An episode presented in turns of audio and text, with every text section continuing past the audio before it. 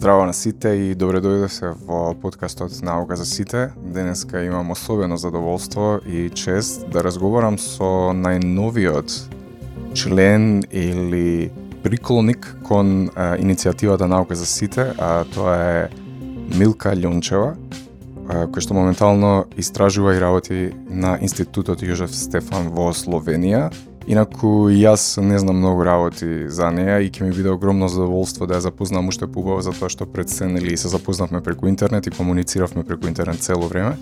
Така што се надевам дека преку овој разговор меѓу другото ќе се запознаеме уште подобро. Е па здраво Мими и добре дојде во оваа подкаст епизода. Здраво. Како се чувствуваш mm. ова вечерно издание? добро. Секако со многу мала доза на трема. да, нема гајле, мислам, ќе ќе биде се окей, мислам дека малку треба да се навикне. Сега ми кажа дека си во твојата лабораторија на институтот и нели за прво да се запознаеме, малку да ни кажеш повеќе за тебе. Доаѓаш по потекло си од Струмица, нели каде така. учеше, што учеше, како ти се роди интересот за тоа што го истражуваш учиш сега и како дојде Знаеш, забележувам еден, еден, еден а, патерн дека многу на наши македонски, например, проспектни студенти завршуваат, нели, сепак на институтот на Ижев Стефан, Стефан барем познавам тројца тамо. Дори имавме и подкаст со Томе Евтимов, кој исто така беше дел од нели тој институт. Така што ако може да не ја кажеш приказната за тебе и како како завршуваат многу македонски студенти ба, токму на тој институт во Словенија. Uh, па вака, како што кажа, се Милка, по потекло сум од Струмица, по професија сум фармацевт, магистрирав на фармацевскиот факултет во Скопје во 2015 година со работа на катедрата за фармацевска технологија од областа на дизајнирање и оптимизација на наночестички за насочено делување на цитостатици, може би од таму започна желбата за истражувачка работа која одреден период стагнираше заради експериментирање во професијата, но во 2016 година се одлучив дека сакам да го продолжам своето образование во во насока на докторски студии. Во овој период исто така дознав за опциите за докторски студии во Словенија, кои што се пате многу поволни, особено за студенти од Западен Балкан, бидејќи државата има свој фонд за стипендирање на магистерски и докторски студии од државите од Западен Балкан, кои што стипендии се овозможува високо квалитетно едуцирање на како се аплицира за тие стипендии? Одат преку нашите институции или треба директно да се аплицира преку некоја словенска институција? Тоа е апсолутно оди по uh, словенски институции, тоа е словенскиот uh, склад за кадри, кој што ги овозможува овие стипендии. И покрај тоа секако, како што спомна, uh, постои една добро развиена мрежа на студенти во Словенија, кои што меѓусебно разменуваат информации, соработуваат во однос на условите, во однос на конкурсите, така да благодарение на ова така микроопштество на македонски студенти во Словенија ги стекнуваме тие информации во право време. Аплицирав, ја добив стипендијата и дојдов во почетокот од 2017 година сум запишена на меѓународната постдипломска школа Јожев Стефан, која е во склоп на Институтот Јожев Стефан докторската дисертација ја работам во групата за органска анализа на одделот за науки за околината, кој што патеме вториот најголем одсек на институтот, број некаде околу 90 луѓе. Во склоп на овој одсек исто така имаме геоанализи, групи за неорганска анализа, разноразни метеоролошки истражувања и така натаму но јас се одлучив за групата за органска анализа бидејќи сметам дека како фармацевт тоа сметав дека како фармацевт тоа би, би ми било најблиску до она што претходно имам работено што се покажа и точно. Така, супер, супер. Чекај, магистерските ги заврши во Македонија или Така. Така. Да. Значи во моментов работиш на твојата докторска дисертација. Да. Е сега доаѓаме до она што е нели интересно е, околу темата Предходно ме информира дека и во самиот нели разговор сега спомна дека истражувате органски, така наречени органски загадувачи. И целата поента е нели да се истражи како тие органски загадувачи влијаат на животната средина и развивате методи разни на истражување на детекција на истите и на ефектите кои што ги имаат не само нели врз флората и фауната, туку и на самиот човек. Ајде вака да почнеме од почеток, да ни објасниш што представуваат, што се всушност органските загадувачи. По дефиниција, органски загадувачи се сите субстанции кои што се присутни во еден или повеќе делови од животната средина, а има докажани или потенцијално потенцијални токсични ефекти врз флората, фауната или врз човекот. Тоа се субстанции кои што обстојуваат или персистираат, како што ние каме во животната средина во зависност од нивните физичко-хемиски својства од неколку денови и до неколку децении. Значи, тие не се разградуваат, туку остануваат во онај дел од животната средина, каде што биле ослободени и таму ги манифестираат своите токсични ефекти. Да биде по пластично објаснувањето, ќе кажам дека од вкупниот број на органски соединенија кои постојат на планетата Земја, 9 милиони се присутни во животната средина, а само 8,5% од нив се идентификувани и нивната концентрација во одредени делови од животната средина е мерена. Тоа значи дека останатите 91,5% од сите присутни органски соединенија во животната средина останува да бидат идентифицирани што представува основен предизвик на аналитичката хемија од областа на животната средина денес. Така, кои се примери на органски загадувачи вака кои што би биле препознатливи за нели пошироката јавност? Па вака, предпоставувам дека нашите слушатели под поемот органски загадувачи веднаш ги сврстуваат класичните индустријски хемикали кои се користат во производство на бои, лакови, гума, текстил и слично, но сепак под органски загадувачи спаѓаат и многу други субстанции за кои што можеби нашите слушатели не се свесни дека ние ги сврстуваме. Како органски загадувачи, а тоа се на пример конзервансите кои се денес присутни во сите во речиси сите производи за нега на коса, кожа, во средства за сончање, како што се на пример парабените, имам вештачки засладувачи во храната, еритритол, ксилитол и слични. Потоа, многу голем број на соединенија кои се присутни во разни амбалажи во кои што е пакувана храната, која што ја конзумираме.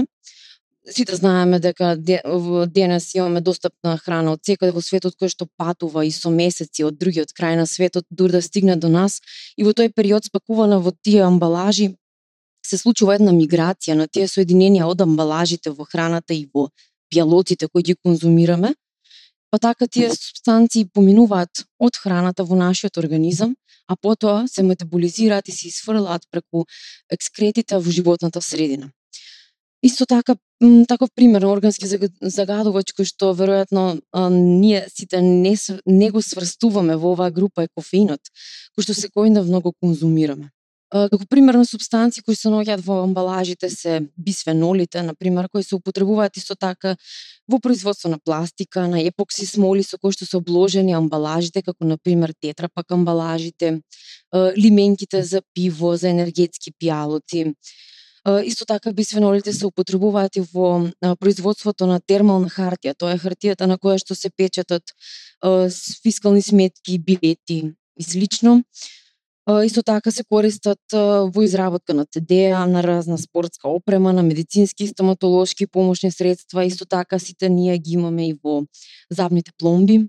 И интересно е дека постепено од забните пломби со тек на времето овие бисфеноли се ослободуваат во нашата плунка, која што со храната поминува во нашиот гастроинтестинален тракт, па потоа се метаболизираат. Така, значи, mm. од тоа што можам да, да заклучам дека генерално постојат два патишта преку кои овие органски нели загадувачи завршуваат, да речеме, во животната средина и едниот е преку нели директно преку нивното да речеме вметнување во самиот производ кога се произведува, кога се синтетизира, на пример како не знам епокси смол или термална хартија која што потоцна како отпад завршува во средината, а да. вториот пат е преку метаболизирањето на истојот, тоест на тие органски загадувачи кои што нели поминуваат низ телата на на на човекот, односно преминуваат од тие синтетски материјали во храната, под која се конзумира, тие органски загадувачи до некој степен се метаболизираат и завршуваат во животната среда, средина преку урината и фецесот, така? Тоа се да. тие два патишта преку кои органските загадувачи завршуваат во животната средина. И сега, кој е всушноста ефектот врз флората и фауната? Зошто е, зошто е воопшто ова битно да го истражуваме и да го анализираме? Uh, вака, најпрво би споменала дека сите овие органски загадувачи се присутни во одредени делови од животната средина во многу ниски концентрации, кои што се во рангот на милиграми или нано, до нанограми на литар.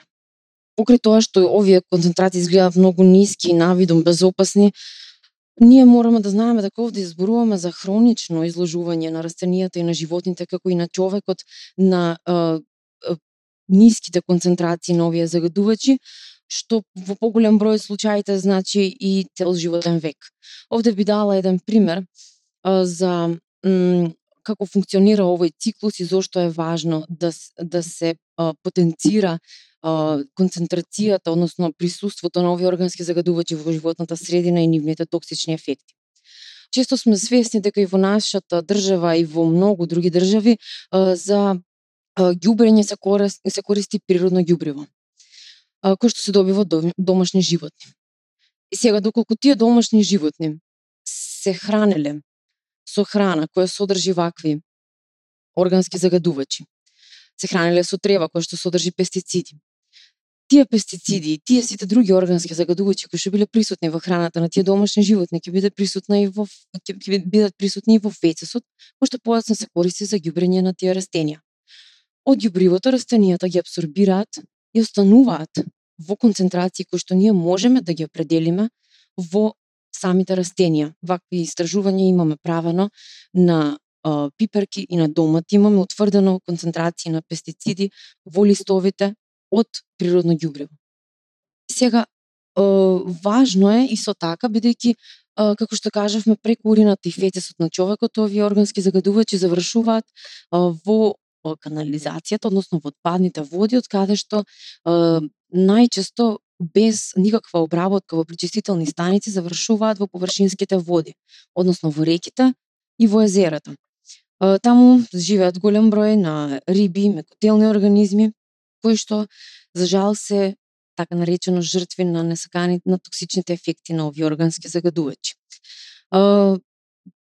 Сите овие органски загадувачи имаат широк спектар на токсични ефекти, како на пример од имуномодулаторни ефекти на цитостатиците кои што знаеме дека кај човекот го намалуваат имуниот одговор, а исти ефекти имаат и кај животните. Бројни естрогени ефекти од страна на бисфенолите, кои што предходно ги споменав, кои што се излачуваат во деловите од животната средина, исто така и од самите естрогени хормони кои што човекот природно ги лачи преку својата урина и фецес.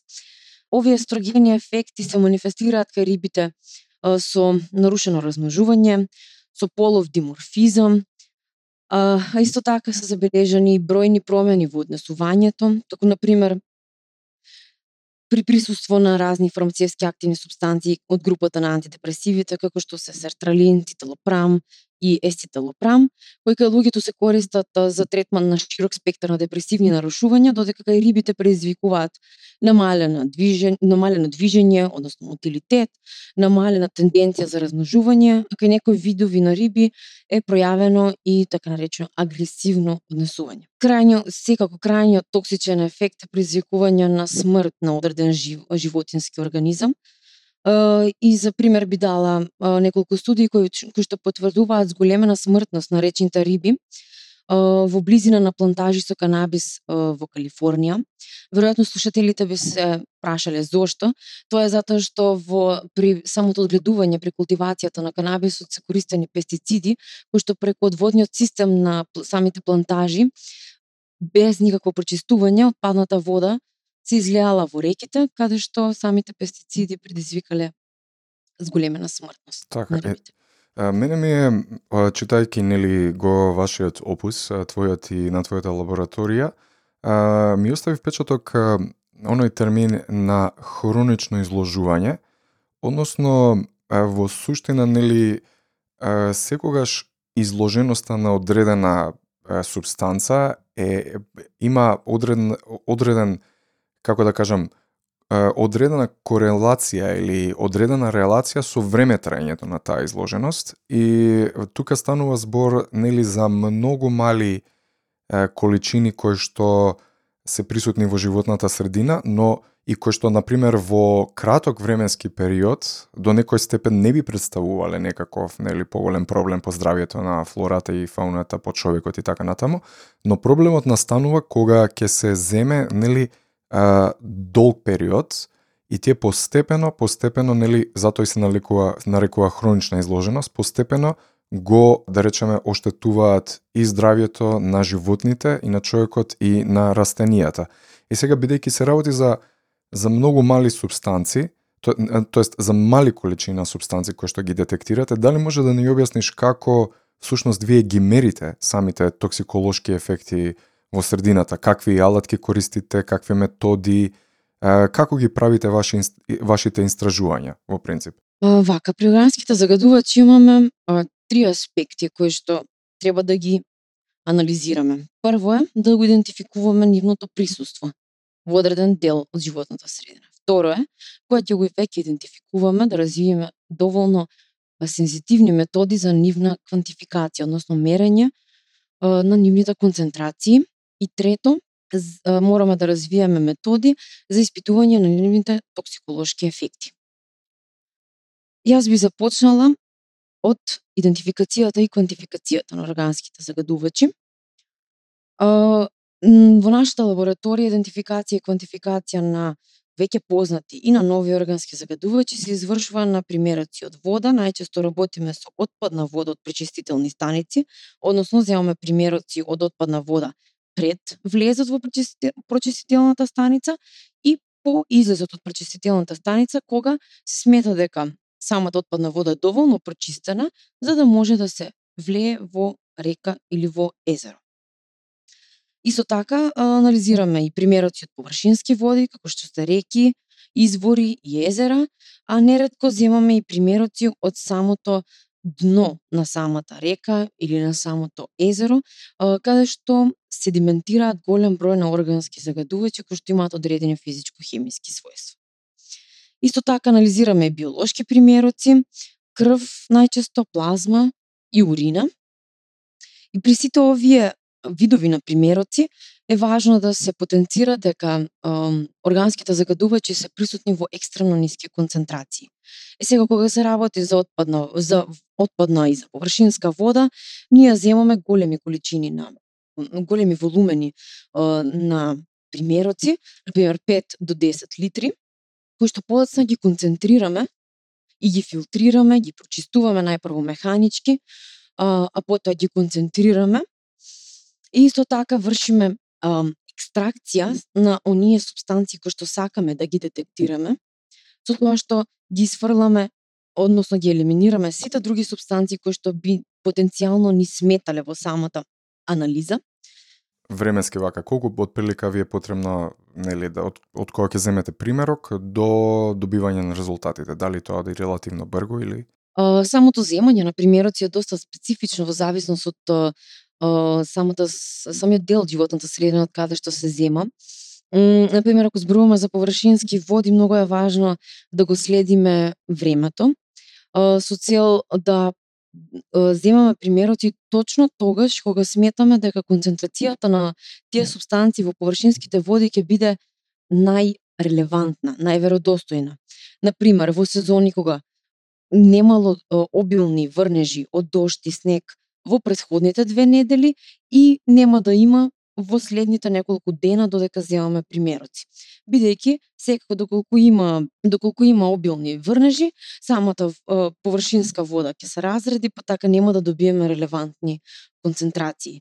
И сега самото земање на примероци трае и до неколку часа во зависност од типот на, на примероци кои што сакаме да ги земаме, доколку сакаме сложени примероци, земаме на пример 6 во период од 6 часа на секој час и по 100 мл на пример и потоа сите тие 6 600 мл ги здружуваме и така имаме композитен примерок. Додека најчесто заради временски ограничувања и ограничувања со апаратура, се оди на grep sampling.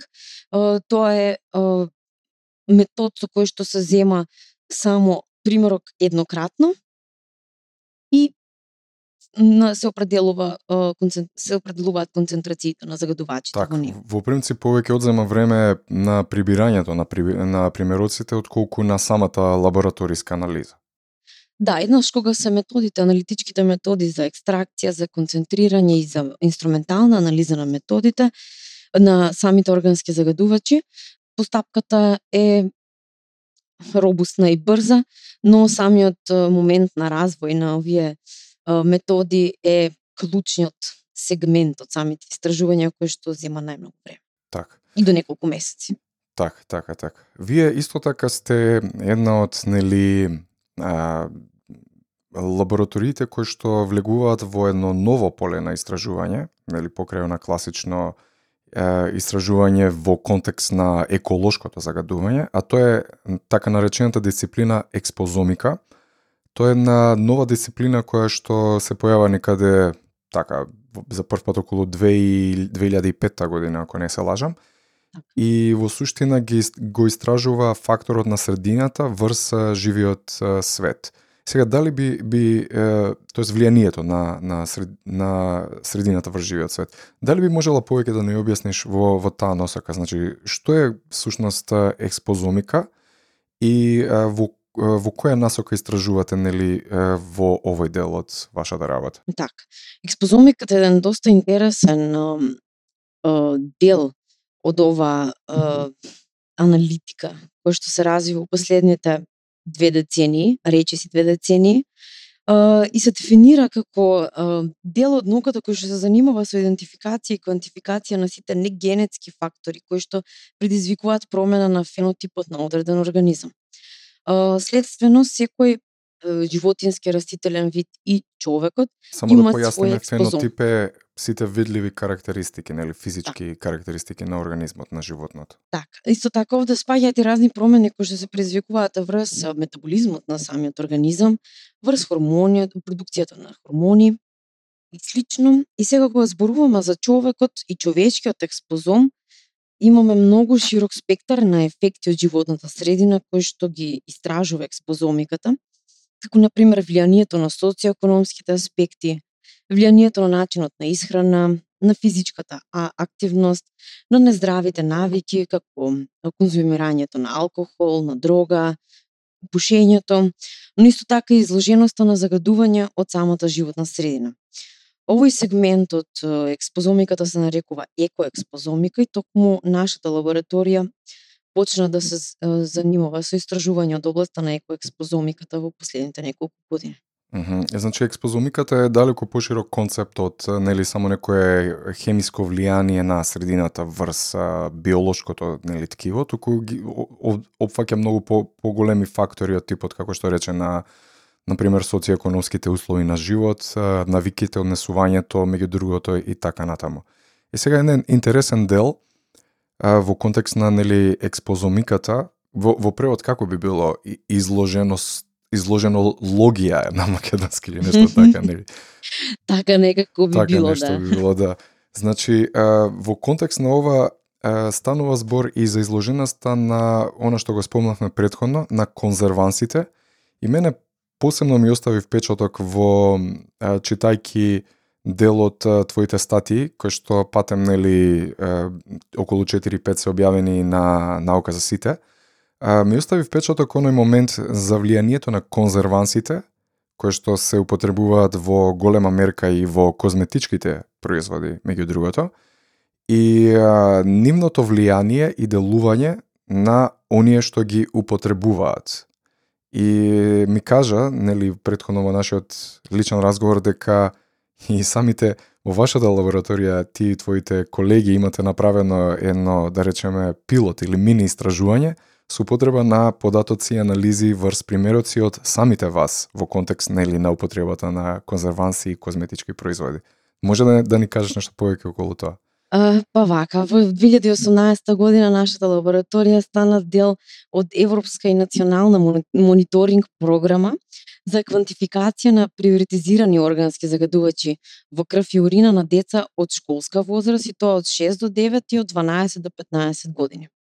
Нашата лабораторија беше одговорна за идентификација и квантификација на бисфеноли и парабени, како што претходно спомнато, се најчесто користените конзерванси во сите козметички производи денес. Сапуни, шампони, се што користиме денес. И за таа цел ние се исправивме пред предизвикот да мораме да развиеме особено чувствителна метода за прочистување на крв и урина и за е, инструментална анализа на овие примероци за присуството на бисфенолите и на парабените. Сега карактеристично за нив е што се органски загадувачи кои што предизвикуваат хормонални нарушувања и затоа токму децата од школска возраст од 6 до 9 и од 12 до 15 години се целна група на ова истражување. Исто така би споменала дека овие се истражувања кои што се регулирани со сериозни етички кодекси, при што поради тоа што самите учесници беа малолетни, мора да исполнуваат прашалници со своите со присуство на еден од родителите во врска со употребата на прехранските, мислам на на додатоците на исхрана, прехранските навики, употребата на козметички производи, исто така посета на болница, на училиште, кога биле на одмор, каде биле на одмор и слично. И целта на самата на самата мониторинг програма беше доколку се детектираат самите бисфеноли и парабени во крвта и во урината на децата да се направи корелација со употребата на козметичките производи, со посетата на болници, училишта и сите други предходно наведени параметри кои што ги исполнија во прашалниците. И сега за почеток ние моравме да развиеме аналитички методи кои што кога завршивме со развојот ги пробавме на наши примероци Самите себе си си тестиравте. Да.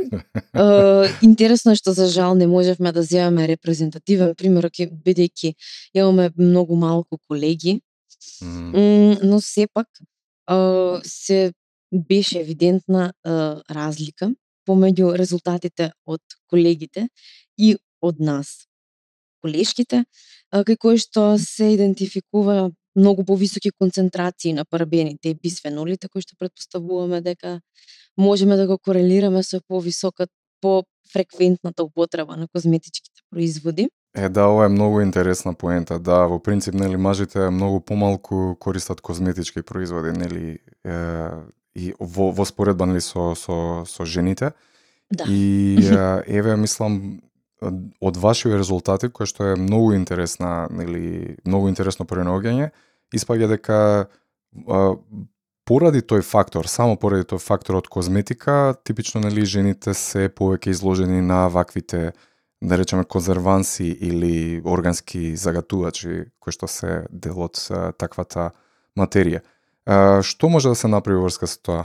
Мислам, дали, дали тоа значи дека повеќе треба да се работи на, да речеме, подобрување на кон, самите конзерванси во козметиката или пак може би би било препорачливо нели да се намали супотребата на истата?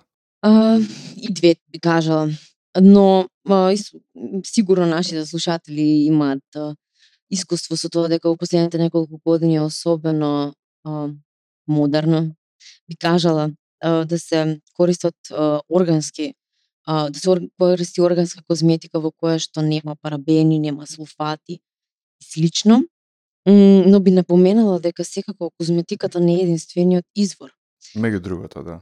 Така да би кажала дека без разлика на употребата на вакви орган, на ваква органска козметика, не постои сомнеш дека барем еден од тие парабени во случајов бидејќи ги има седум би се идентификувал и квантификувал во екскрети од било кој човек. Така да некако а, не можеме да се заштитиме целосно од тоа загадување.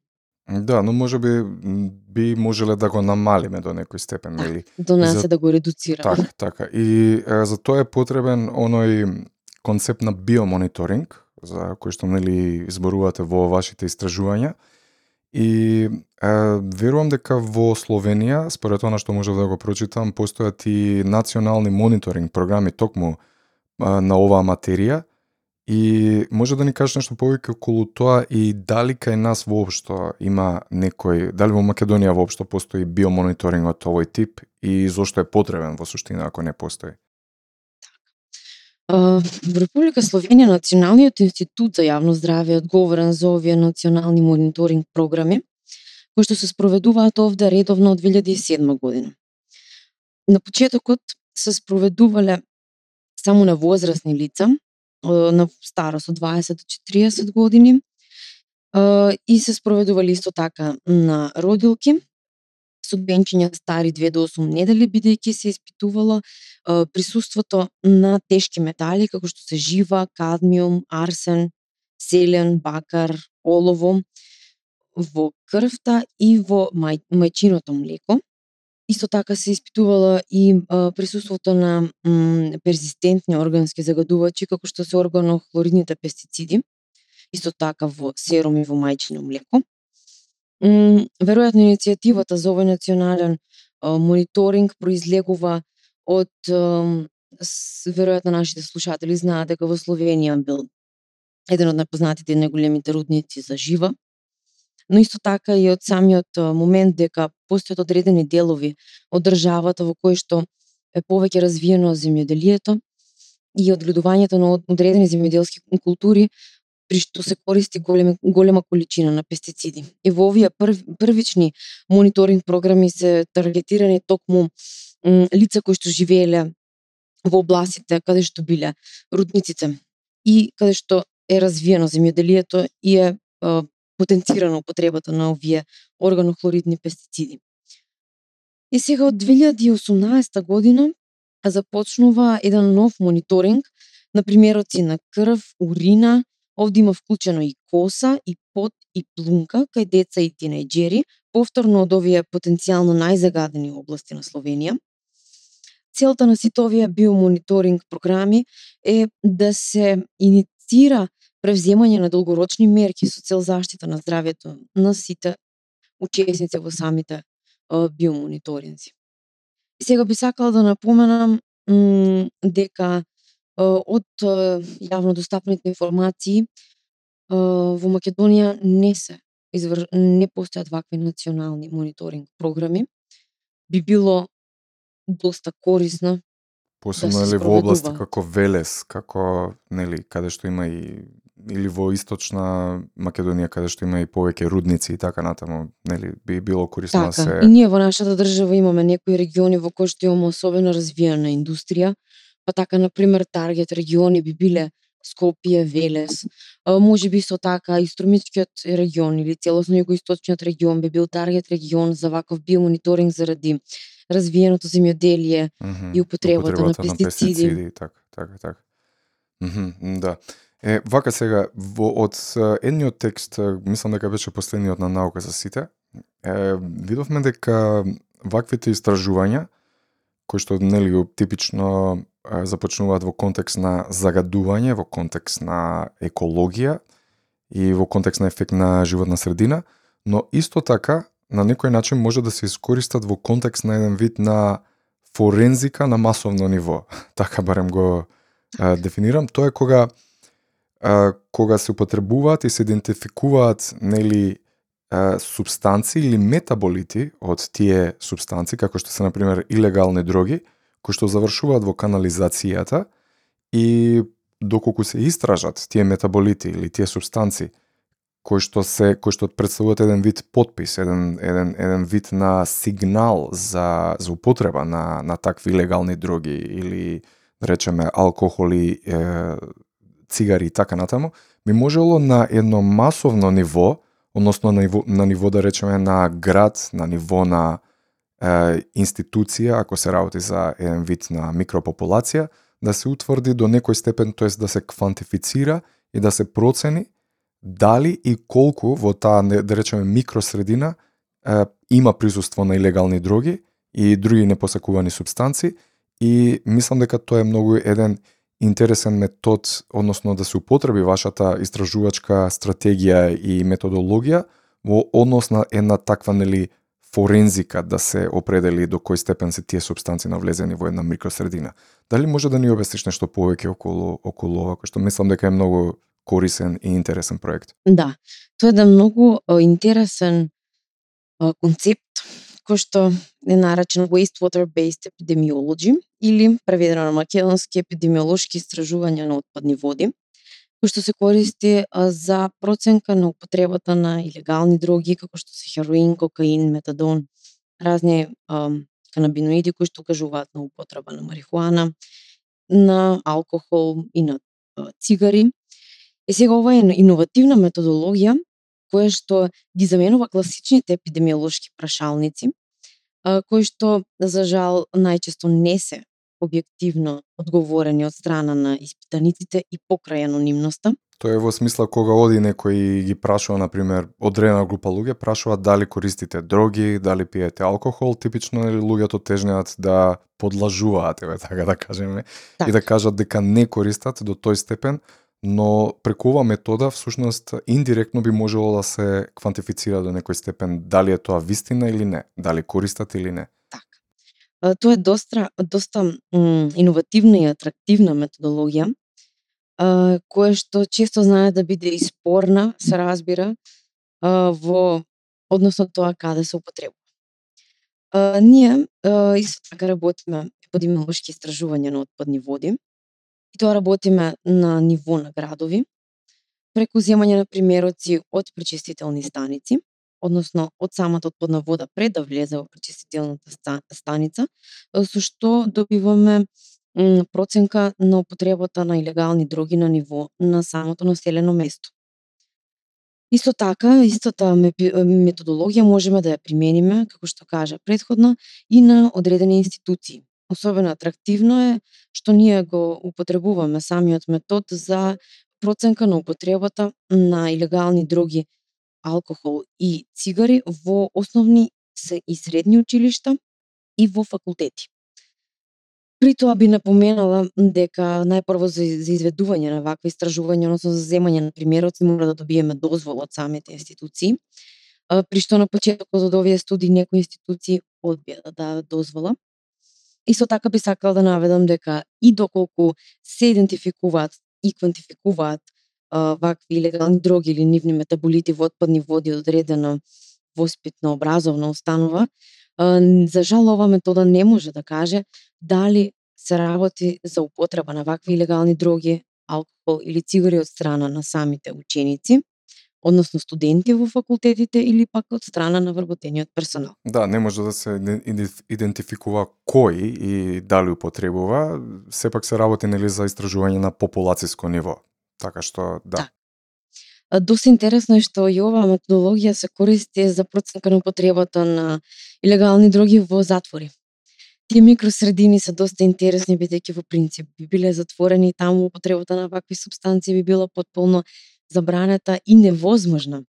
Но, за жал, е докажано со многобројни студии дека на секаде во светот во многу затвори се користат илегални дроги. Сушност света таквата трговија, да, во таквите да. средини. Mm -hmm, кај научниците исто така се појавила желба да истата методологија се аплицира на државни институции, како на пример парламент, собрание, да. но за жал нема успешни обиди за спроведување на вакви истражувања до сега. Да. Дали ефектот на детекција на таквите нели субстанци метаболити од илегалните дроги е опаѓа правопропорционално со оддалеченоста. Во смисла дали најдобро се детектира непосредно околу самата институција, предпоставам тоа е така, колку повеќе нели се оддалечуваме, толку повеќе се меша таа отпадна вода со, со други нели отпадни води од други населени места од други институции така натаму и се намалува нели ефектот. Колку сме поддалеку од самото место каде што земаме примерок, толку потенцијалот нели или довербата во податоците предпоставам се намалува, нели? Така, како што оди отпадната вода од самата институција, на пример од еден факултет или едно средно училиште кон прочистителната станица, толку повеќе се разредува бидејќи во самата канализација се влива отпадна вода и од други извори. Затоа најрелевантни резултати добиваме доколку земаме примероци од отпадна вода од самата институција. Непосредно. Токму и затоа ви се потребни и нели дозволи да се праша институцијата со, со од тој аспект, од тие причини. Mm Добро. Ајде вака да скокнеме сега. Ова е навистина интересна тема за која што може би би можеле да направиме еден цел подкаст токму само за за оваа проблематика, но бидејќи компресираме прво запознавање со тебе во една епизода, би прешол на и би сакал да го чуем твоето мислење за оној неодамнешен случај нели на загадувањето на реката Брегалница, кој што беше присутен во медиумите и а, мислам дека имаше некаква промена на бојата на водата. А, што мислиш што се случува, мислам бидејќи не е прв инцидент од овој тип кај нас и а, едноставно кој би било твоето твојот совет во однос на истражувањето што треба се дознае, односно да се ем, расчисли таа ситуација и што би требало да се превземе во суштина да се нели подобри квалитетот на реките посебно во Македонија, како што се нели Брегалница, Вардар и така натаму. Така, неодамнешниот случај за ова акутно загадување на реката Брегалница беше еден типичен пример на индустријско загадување на површински води. Според јавно достапните информации се работи за излевање на огромна количина на непозната хемикалија во реката Брегалница кој што ја промени бојата на водата. Се според истражувањата се вели дека оваа субстанца само транзитно поминала низ речното корито и дека не предизвикала никакво оштетување на животинскиот и растителниот свет, а самото риболовно друштво од градот потврдил дека не е забележан помор на рибите. Овде би потенцирала дека самиот инцидент дека не предизвикал помор на риби не значи дека самата субстанца која што се излеала во реката Брегалница нема други токсични ефекти врз растителниот и животинскиот свет. Така тоа е само е обрнато внимание на акутниот ефект од загадувањето, но не на оној хроничен за кој што нели вие истражувате и се специализирате во Так, или на најлошиот токсичен ефект кој што може да се случи, тоа е масовен помор на рибите. И сега во духот на предходно споменатите аспекти на анализите на животната средина, се јавуваат две основни потреби најпрво да се идентификува самата токсична субстанција и незиниот извор, и секако дека треба да се следи незината концентрација во водената животна средина, како и во седиментите од реката и во самите о, живи организми внатре, кои живеат во реката, да се следи опаѓањето на незините концентрации со тек на времето, исто така да се следи дали таа субстанца се таложи во речното дно, дали се таложи во водените организми. Сметам дека ваквите информации би довеле до поголеми сознанија во однос на индустријското загадување, бидејќи како што претходно споменав, имаме во Македонија региони со изразена изразено развиена индустрија. Меѓу нив е секако и штип со текстилната индустрија. Веројатно се работи за изгледување на одредена субстанција од индустријата, која што сметам дека треба да покрене иницијатива за долгорочен и редовен мониторинг на флората и фауната. Е така, тој и сакав и јас, и јас да го да го спомнам, значи кај нас многу фалат студии од долгорочен карактер. Посебно во контекст на нели екологијата и е, загадувањето на водите и е, другите средини. Е сега, уште една е, загрижувачка, да речеме, уште еден загрижувачки факт е од она што можев да го прочитам во твојата работа е дека дури добар дел од отпадните води, да речеме на Скопје, кој што поседува формално нели близу околу 700 700.000 жители, но неформално нели со циркулирање на околните средини и градови, веројатно секојдневно циркулираат повеќе од милион луѓе во тој дел. Значи целата таа отпадна вода од Скопје и Скопскиот регион всушност во најголем дел непрочистена од овие нели органски загадувачи и другите субстанции кои што ги спомна, завршува всушност во Вардар. Дали може да ни да ни малку да да го раз, расчистиш тој дел и таа нели загрижувачка информација бидејќи сметам дека тоа е исклучително исклучително голем проблем и кај нас посебно цело време секоја година во текот на студените месеци се зборува за енормно аерозагадување, но всушност ние имаме според она што го а, прочитав во, во, во, во, во твојата работа, всушност ние имаме и голем проблем со загадувањето на водите. Значи не е само аерозагадувањето проблем во овој момент. Дали може да ги отвориме малку овие теми? Во принцип, најпрво би го објаснила циклусот како водата циркулира во, во животната средина. Како што кажав, отпадната вода од домакинствата и од индустријата треба да заврши во пречистителна станица. Таму најпрво водата се механички се чисти од макрозагадувања, подоцна се третира хемиски и со тие хемиски процеси се уништуваат најголем дел од овие органски загадувачи, пошто водата се смета за доволно прочистена да се излее во површинските води, односно во реките и во езерата. Во идеален случај, тоа е, би требало да биде во секој во секое населено место или во секој регион. Но за жал, во Република Македонија според јавно достапните податоци активно функционираат 28 прочистителни станици со вкупен капацитет кој е еднаков на 24,5% од населението во Република Македонија. Значи, всушност, спомена, само една четвртина од, да речеме, производот од, од отпадните води технички се процесира, другите три четвртини завршуваат непроцесирани во во, во, во нашиот так, во речните корита. Mm -hmm. Што е многу загрижувачки податок, мислам, тоа е да. да. Интересно е да се а, каже дека во последниот период, на пример, во последните 2-3 години активно се работи на а, градење на нови пречистителни станици, но секако тоа е процес кој што ќе трае уште неколку години, дури не се покрие задоволителен процент од сите отпадни води кои што се излеваат во Што значи задоволителен процент? Мислам според да речеме европските практики или еве во Словенија, што се прифаќа како референтна вредност преку која се смета дека е, нели, добар процент за на обработка на отпадните води? Во идеален случај тоа би било 100%. Да, се разбира, но Односно... во реален случај како се прифаќаат овие вредности во реален случај нема одредени вредности кои што се прифатливи, се работи на тоа колку што може повеќе. Сепак, за пример би кажала дека според извештајот на Економската комисија на Обединетите нации за Европа, објавен кон крајот на 2019 година, во Македонија само како резултат на овој недостаток на пречистителни станици само 12,5% од анализираните површински води имаат задоволителен квалитет.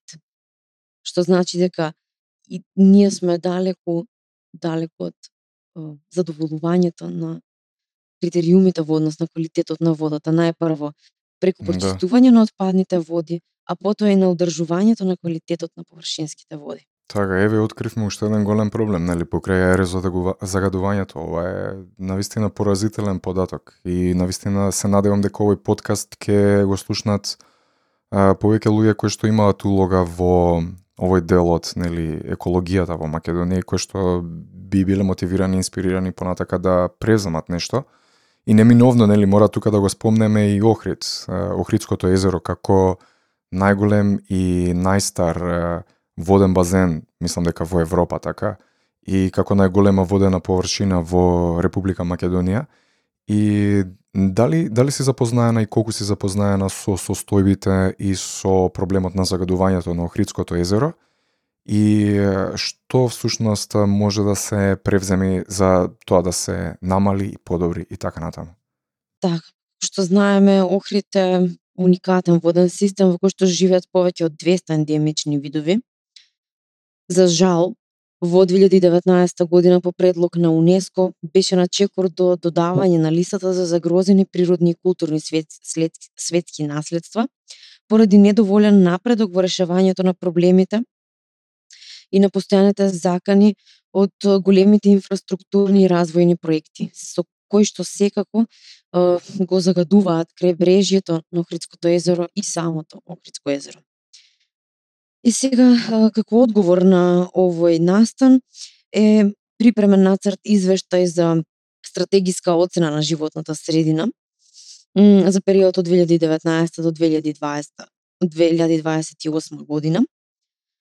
Секако во овој нацрт извештај еден од клучните една од клучните задачи е реконструкција на постоечката прочистителна станица во Враништа. Би кажала овде дека денес 35% од отпадните води од областа Охрид и Струга не се третираат воопшто и директно завржу, завршуваат во езерото. Поради недоволно функционален и недовршен колекторски систем кој што ја собира отпадната вода и потоа ја носи во прочистителната станица. Исто така случај е и при чест случај е да при поројни дождови и поплави овој колекторски систем и самата прочистителна станица се преоптоварува, па така отпадните води кои што дошле до самата прочистителна станица заради зголемениот волумен, брзо поминуваат низ прочистителните процеси и недоволно прочистени се испуштаат во езерото. Кој е ефектот врз има има студии за животната средина, за рибите, за растенијата во Охридското езеро, дали има некаква студија, дали си запознаена? Кој што може директно нели да ги поврз да го поврзе ефектот од токму ова загадување и последиците по животинскиот свет.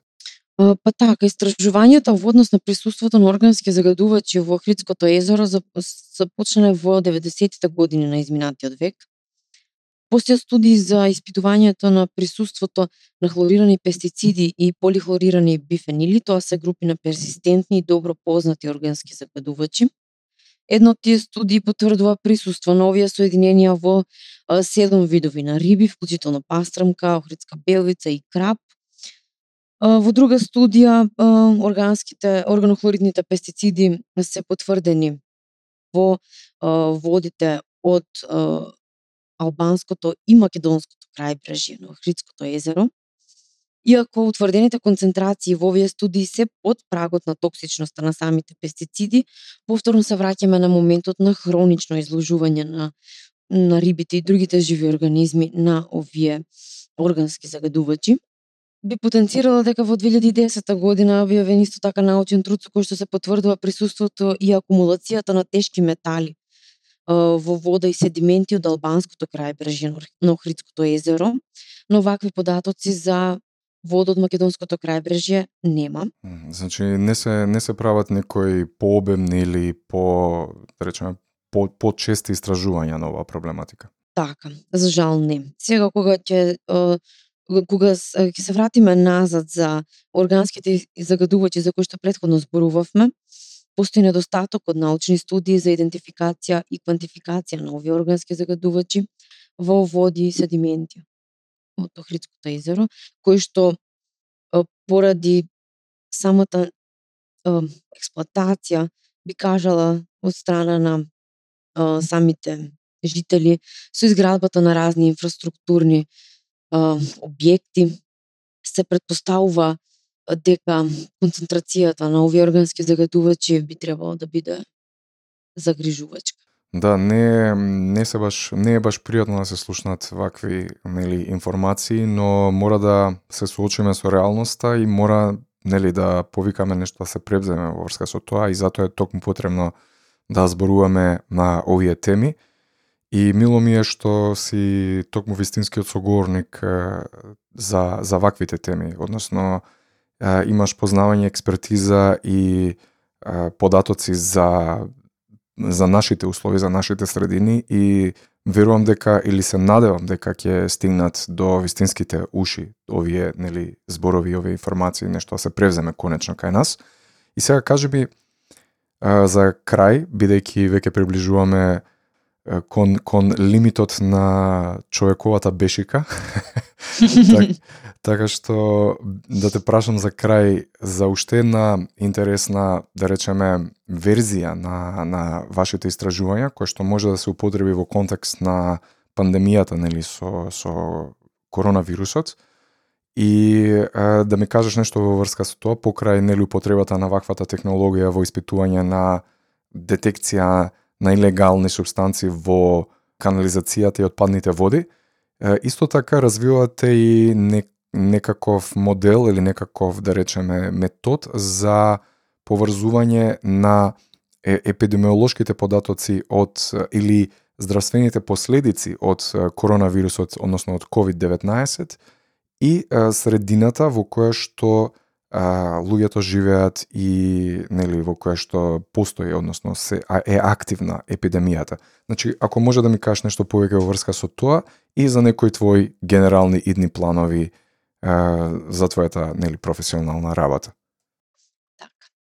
Е, како и сите научници и ние уште од почетокот на оваа пандемија размислувавме како да го модифицираме нашето, нашето знаење, нашето искуство од областа на истражувањето на животната средина во служба на придобивање на повеќе знаења во врска со COVID-19. Идеја која што заеднички ја дебатираме се уште е да се вклучиме како партнери во проекти со кои, во кои што би мереле концентрации на избрана листа на органски загадувачи кои што имаат потенцијално или докажано негативно влијание врз имунолошката функција на човековиот организам. Истите би ги определувале во примероци од крв и плазма на пациенти со кои што развиле различен степен на клиничка слика при инфекција со вирус со коронавирусот со тоа би добиле една е, слика и корелација на нивоата на органски загадувачи во крвта и плазмата од овие пациенти и би ја поврзале со самата симптоматологија која што пациентите е, ја развиле. Со тоа сметаме дека ќе дојдеме до значајни корелации кои што ќе ни укажат дека високи концентрации на одредени органски загадувачи и нивни биомаркери кои што го намалуваат имунолошкиот одговор на организмот придонесуваат кон поволните услови за развој на тешки симптоми и тешка клиничка слика кај одредени пациенти. Mm -hmm се надевам дека навистина ќе успеете во овој потват. Имате, мислам, конкретно работите на некои студии во моментот или се уште на ниво на развој на идеја? моментално работиме на дизајнирање на студиите, бидејќи овде е доста специфично дизајнирањето на самите студии, бидејќи зборуваме за пациенти со различна клиничка слика, но сепак за за да добиеме веродостојни податоци мораме да избереме група на пациенти, односно на учесници во самата студија кои што за кои што сигурно знаеме дека не биле инфицирани со вирусот.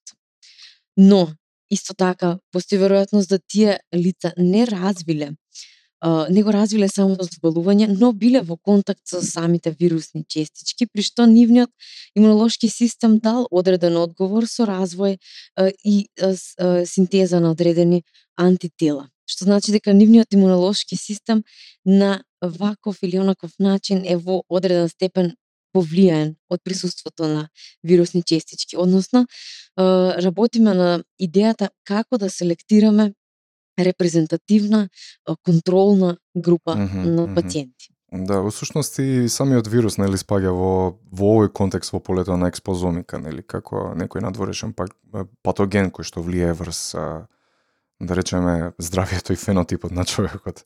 Така, со овие студии ние очекуваме и се надеваме дека ќе дојдеме до резултати кои што ќе ни укажат дека присуството на самиот вирус и развојот на самата инфекција ги модификува еден или повеќе метаболички, нормални метаболички патишта во човековиот организам, што се надеваме дека ќе се одрази со зголемена или намалена синтеза на некои од веќе постоечките метаболити од човековиот организам или пак формирање на комплетно нови, како резултат на нарушување на метаболичките процеси. Јасно, јасно. Ви посакувам стварно многу успех да успеете во тоа што го планирате да го сработите. Кажи ми што после завршувањето после одбраната на докторската дисертација. И кажи ми уште еднаш кога ќе дојдеш во Македонија конечно да пиеме едно кафе. Кога ќе заврши ова епидемија, кога ќе се подобрат условите, тоа секако ќе се случи. Инаку сега во фокусот е завршувањето на експериментите од докторската дисертација. Понатаму би сакала да останам во областа на анализата на животната средина и сметам дека би било од огромна корист доколку моето знаење и искуство го применам во Македонија. Се надевам дека ќе имам прилика за истото. И јас исто. Исто така не е исклучена можноста за продолжување на постдокторски студии во странство. Добро, значи следниот пат се надевам се гледаме во Македонија кога ќе се спуштиш тука. Е, може да пиеме едно безкофинско кафе, нели со оглед на на муаветот за органските без, загадувачи. без вештачки засладувачи. Помалку козметика. така. Помалку дезодоранси ќе стане. Ево, ред ми, баш ми е мило вака, мислам дека одличен разговор направивме.